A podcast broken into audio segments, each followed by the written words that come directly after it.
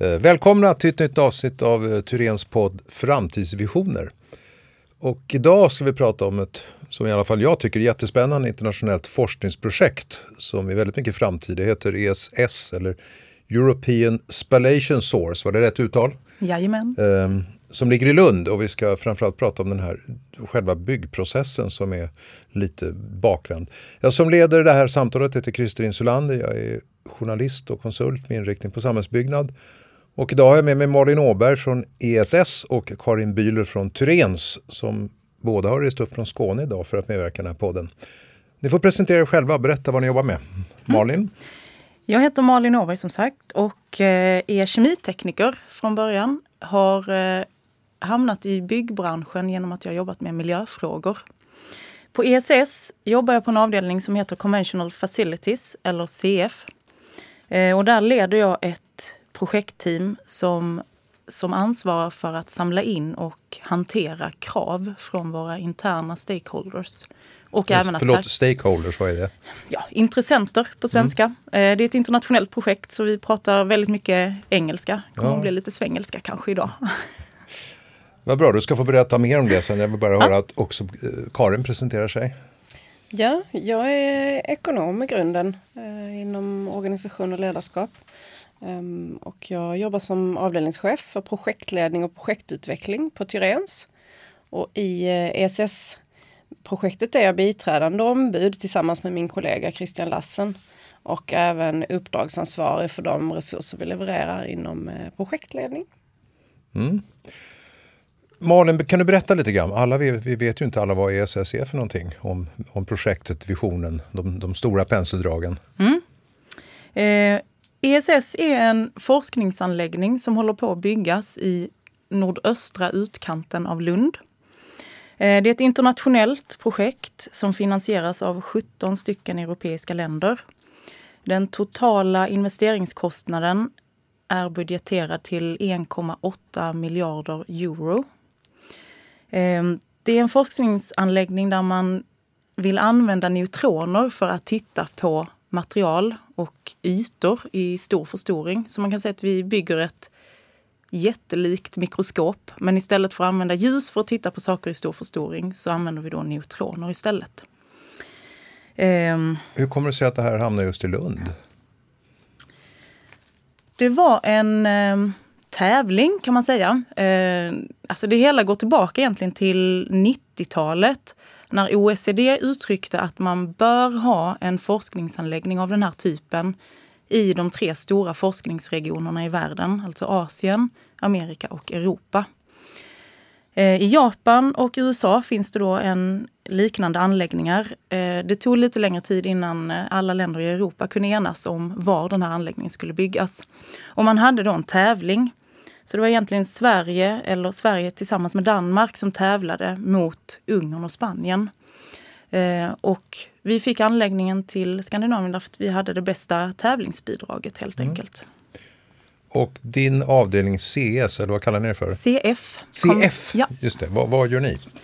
Eh, vi är den byggande avdelningen på ESS. Eh, så vi eh, står för markarbeten, eh, själva byggnationen av de olika husen. Det blir ungefär 20 eller drygt 20 stycken byggnader. Och installationer fram till ett visst gränssnitt där själva forskningsmaskinen då kopplas in. Och eh, Karin och din grupp Tyrens, vad har ni för någon roll här? Eh, ja, vår eh, roll är ju i projektet sitter vi både på beställar och utförandesidan. I praktiken kan man säga att det betyder att vi levererar stöd i form av konsulter inom flera discipliner, både till ESS och eh, Skanska. Eh, de, de konkreta uppdragen ser rätt så olika ut för de olika eh, disciplinerna. Det kräver rätt många olika kompetenser, eller hur? Ja, det gör vi. Det gör det. Vi levererar ju ehm, bland annat konstruktion, stora delar, projektledning då som har nämnt tidigare, kvalitet, geoteknik, eh, koordinering IT, eh, miljö och mark eh, kan man säga mm. huvudsakligen. Mm. Det som gjorde att jag framförallt var nyfiken på det här projektet, just det, det att jag förstått att ni lite grann vänt upp och ner på hela byggprocessen jämfört med hur den brukar gå till. Eh, berätta Malin. Mm. Ledningens strategi för att vi ska klara den målsättning som finns, att vi då ska ha de första neutronerna från målet, som vi kallar det, eh, år 2019. Eh, det är en eh, ganska så ambitiös tidplan Eh, och för att vi ska klara det så är strategin att den byggande avdelningen, CF, eh, är själva lokomotivet i eh, hela projektet. Så vi har startat byggnationen sedan eh, 2014. Juni 2014 började vi med förberedande markarbeten. Eh, och vi har liksom påbörjat byggnationen innan vi vet helt säkert vad det är vi ska bygga. Eh, och Conventional Facilities är ju en serviceavdelning kan man säga. Vi bygger ju inte det här för att vi ska ha fräcka byggnader. Utan vi bygger det för att vi ska ha en världsledande forskningsanläggning. Så det är ju innehållet i byggnaderna som är det väsentliga. Eh, och det är ju ganska komplext att bygga skalet och försörjningen till någonting som man inte vet riktigt vad det är. Ja, nej, men det låter som ni uppfinner maskinen samtidigt som de bygger huset den ska stå i. Ja, just det. Lite grann så. Eh, det måste ju också innebära många utmaningar. Hur, hur fungerar det för er, Karin? Ehm, man kan väl säga att framförallt våra projekterande konsulter, ehm, man, man tvingas ju frångå eh, gängse metoder i en eh, byggprocess i det att man, man har inte alla kraven färdiga och det blir mycket ändringar och omtag efterhand som nya, eh, nya fakta och ny teknik kommer in i projektet. Och då, eh, då handlar det mycket om att kommunicera just det Malin säger att det är en strategi att arbeta så. Så att mm, inte konsulterna uppfattar det som att mm, nu har vi gjort fel, det har varit misstag, nu får vi göra omtag igen och tappa modet. Så det handlar mycket om att, att hantera de här bitarna rent eh, mentalt. Det kräver ju liksom ett engagemang utöver det vanliga från alla projektdeltagare, både beställare och, och konsulter.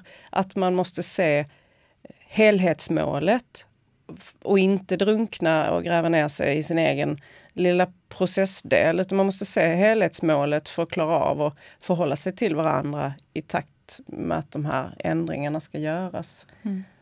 Och det är också jätteviktigt att liksom ha en ödmjukhet inför det här krocken mellan byggvärlden som är experter på projektledning, att hålla budgetar och tider, eller hålla koll på det åtminstone.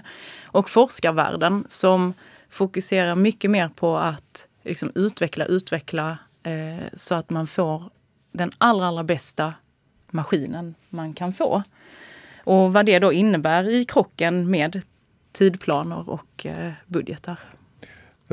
Hur, du pratar om det just det mentala, men eh, ni ser att, men, men då vill jag säga huren. Hur hanterar man det? Har ni några verktyg? Har ni någon forskning? Hur, eh, hur ser ni till att den här bakvända byggprocessen faktiskt funkar?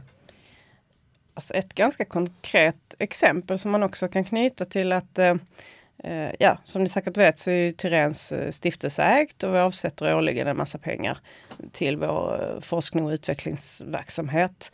Eh, ett projekt som vi har drivit är ju ett, ett BIM forskningsprojekt. Och det är ju förutsättningen för att vi överhuvudtaget skulle kunna svara på den BIM-frågan vi fick från ESS i, i anbudet. Um, och idag är ju BIM ett verktyg som, som är väldigt handfast i hur vi hanterar det här. Man eh, har samgranskning och eh, kollisionskontroller eh, genom BIM. Man använder det för visualisering för alla de här stakeholders, intressenterna. Så att de ska förstå vad det är vi gör och varför. Man bygger också databaser via BIM för att kunna hantera hela den här anläggningen i förvaltningsskedet. Så det är väl en... Eh, bara, bara ifall, ifall, någon lyssnare inte vet vad BIM är, kan du bara förklara med tre meningar? Ja, det är lättare sagt än gjort. Eh, det handlar alltså om att eh, samla sin information i en modell så att man kan nyttja den i olika delar av byggprocessen. Building Information Model eller vad står förkortningen Det är en förkortning, ja. ja just det. Um, Och ni hade det som krav i upphandlingen, var det så? Mm. Och ur ett ESS-perspektiv, om, om vi nu pratar om det här med att hantera komplexiteten, eh, så har vi delat upp eh, CFs design eller projektering i två delar. Så vi har en projektgrupp som heter CF Baseline Team som jag leder och en annan grupp som heter CF Detail Design Team eh, som jobbar med mer eh, traditionell projektering. Eh, de producerar ritningar och beskrivningar för att få se Eh, byggteamet med. Medan baseline-teamet då samlar in alla krav som finns från stakeholders, alla myndighetskrav som en beställning kan man säga till detail design eller ett underlag för att de ska kunna fokusera på, på själva ritningarna. Så det mitt team gör, det är ju egentligen att implementera systems engineering, det vill säga eh, att hantera krav på ett systematiskt och strukturerat sätt. Eh, och det, det, har varit värdefullt att eh, försöka liksom skära den här limpan på ett eh, systematiskt sätt. Eh, en annan sak som vi gör det är ju att försöka få till en, en god samverkan med våra intressenter. Så att det inte blir allt för mycket utav vi och dem. Intressenter, vilka pratar vi om då? Då pratar jag om eh, de som i framtiden kommer att driva anläggningen. Mm. Eh, de är organiserade idag eh, som olika avdelningar på ESS. Där Conventional Facilities är en avdelning. Sen har vi då en acceleratoravdelning, en targetavdelning. Eh, vi har en, ett science-direktorat som mer kommer att vända sig mot framtida gästforskare som kommer till ESS. Vi har Integrated Control System som gör reglerar kontrollsystemet för hela anläggningen. Och de behöver vi ju förstå. Vi behöver förstå deras behov för att vi ska kunna bygga skalet på rätt sätt. Det låter, det, det, vi pratar väldigt mycket om, om, om ödmjukhet, kommunikation, samarbete. Hur, hur, ser samarbetena mellan er två ut? Eller era respektive avdelningar? Karin? Ja, vi eh, har ju en eh, vi har ju en eh, väldigt bra dialog. Vi, har, vi pratar ofta och vi är väldigt öppna i det vi pratar om. Vi är flexibla. Från Tyréns sida försöker jag var flexibel med resurssättningen. Att eh, är det någon som inte behövs så kan vi dra tillbaka den personen och fylla på med någon annan. Det är väldigt svårt i den här typen av komplext projekt att från början säga att nu behöver vi en sån här person i sex månader och en sån här person i tolv månader. Så lite framgångsfaktorn för oss är väl att vi har den flexibiliteten och en, och en väldigt tät dialog med avstämningar. Hur det går ute på, på Ja, man måste väl kunna se framtiden innan, innan den inträffar. Så, att, eh, ja, så man måste kunna blicka framåt för att kunna ha rätt resurser om jag förstår saken rätt. Vi stämmer ju Eh, inom Tyréns organisation, som vi kanske kommer tillbaka till sen, den, där stämmer vi av löpande med våra konsulter vad de ser för resursbehov ute hos beställaren. För det kan ju vara att med deras långa erfarenhet och kompetens inom ett speciellt område så ser de det innan beställaren själv gör det. Så att vi försöker ha den framförhållningen um, för att kunna resurssätta. Jag tyckte enkelt. det var ganska bra också när vi, när vi började eh, baseline-arbetet för ungefär ett år sedan eh, och vi sökte lite resurser till teamet så satte vi oss ner. Vi förklarade ECS, vi förklarade baseline-teamets uppdrag och du ställde jättemycket frågor Karin. Mm. Eh, och, och, det tyckte jag var en, en väldigt bra början för att vi fick en gemensam bild av vad det är som baseline-teamet ska åstadkomma. Och det gjorde att, att du kunde eh, ge förslag på personer som skulle passa in på ett bra sätt i teamet. För det är ju inte så traditionell eh, projektering som vi jobbar med.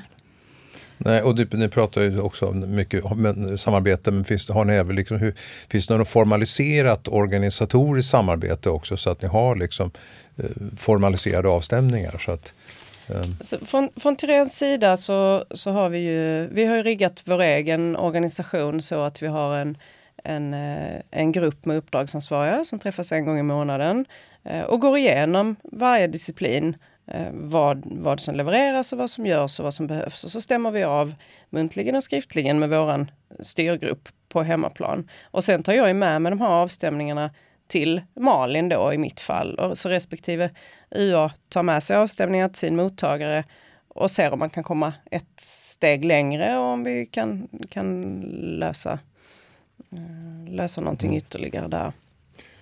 Du har väl också erfarenheter av att kunna jobba med sådana helhetsbilder för att ni har väl varit involverade i ett annat projekt som faktiskt ligger ganska nära, Max 4-laboratoriet. Kan du bara berätta kort om det? Mm. Det ligger ju eh, väldigt nära ESS-anläggningen. Eh, det är ju en, en, annan typ av forskningsanläggning där vi har varit med från Tyrens sida, haft förmånen att få vara med och eh, jobba. Där lyckades man ju forma det som jag tror är, är, är vinsten i detta. Man lyckades forma ett team som strävade mot, mot ett gemensamt mål. Eh, och man, man hade ett gott samarbete, man hade ett gott ledarskap, man vågade ställa frågor, man vågade eh, påpeka fel och man delade på både liksom, ansvar och, och framgångar. Och där gjorde man ju till slut en, en i princip felfri slutbesiktning och levererade före tidplan under beräknad budget och med en jätte, jättehög kvalitet. Eh, och det, när, man, när vi gör erfarenhetsåterföring från det projektet, vilket vi då naturligtvis gör, eh, då, då, då ser vi att det är, det är just det här teamet alla hänvisar tillbaka till, att man, att man hade ett gemensamt mål, att man, att man drev mot det. Och eh, om vi återgår till ESS då. Var befinner vi oss idag? Kommer, alltså, ni har ju mål ni ska, som det heter, bygga en anledning med rätt kvalitet till rätt pris i rätt tid. Eh, och det är väl en ganska svår väg dit, men hur går det? Mm. Um, vi är ungefär halvvägs om jag ser till Conventional Facilities uppdrag som vi ser är avslutat när vi har byggt alla byggnader. Sen kommer det att fortsätta byggas mätinstrument fram till 2025. Ehm, det är en jättestor utmaning. Eh, jag sa väl innan att vi hade en ganska så ambitiös tidplan. Mm. Eh, den håller än så länge. Ehm, vi har man kan säga en plan för hur vi ska hantera när, när och om vi hamnar i tidsbrist. Eh, som jag sa innan så har vi drygt 20 byggnader utspridda på forskningsanläggningens område. Eh, och man kan ju tänka sig att, att någon eller några av de byggnaderna skulle kunna eh, skalas bort, diskopas, eh, för att vi ska hålla tidplan eller budget.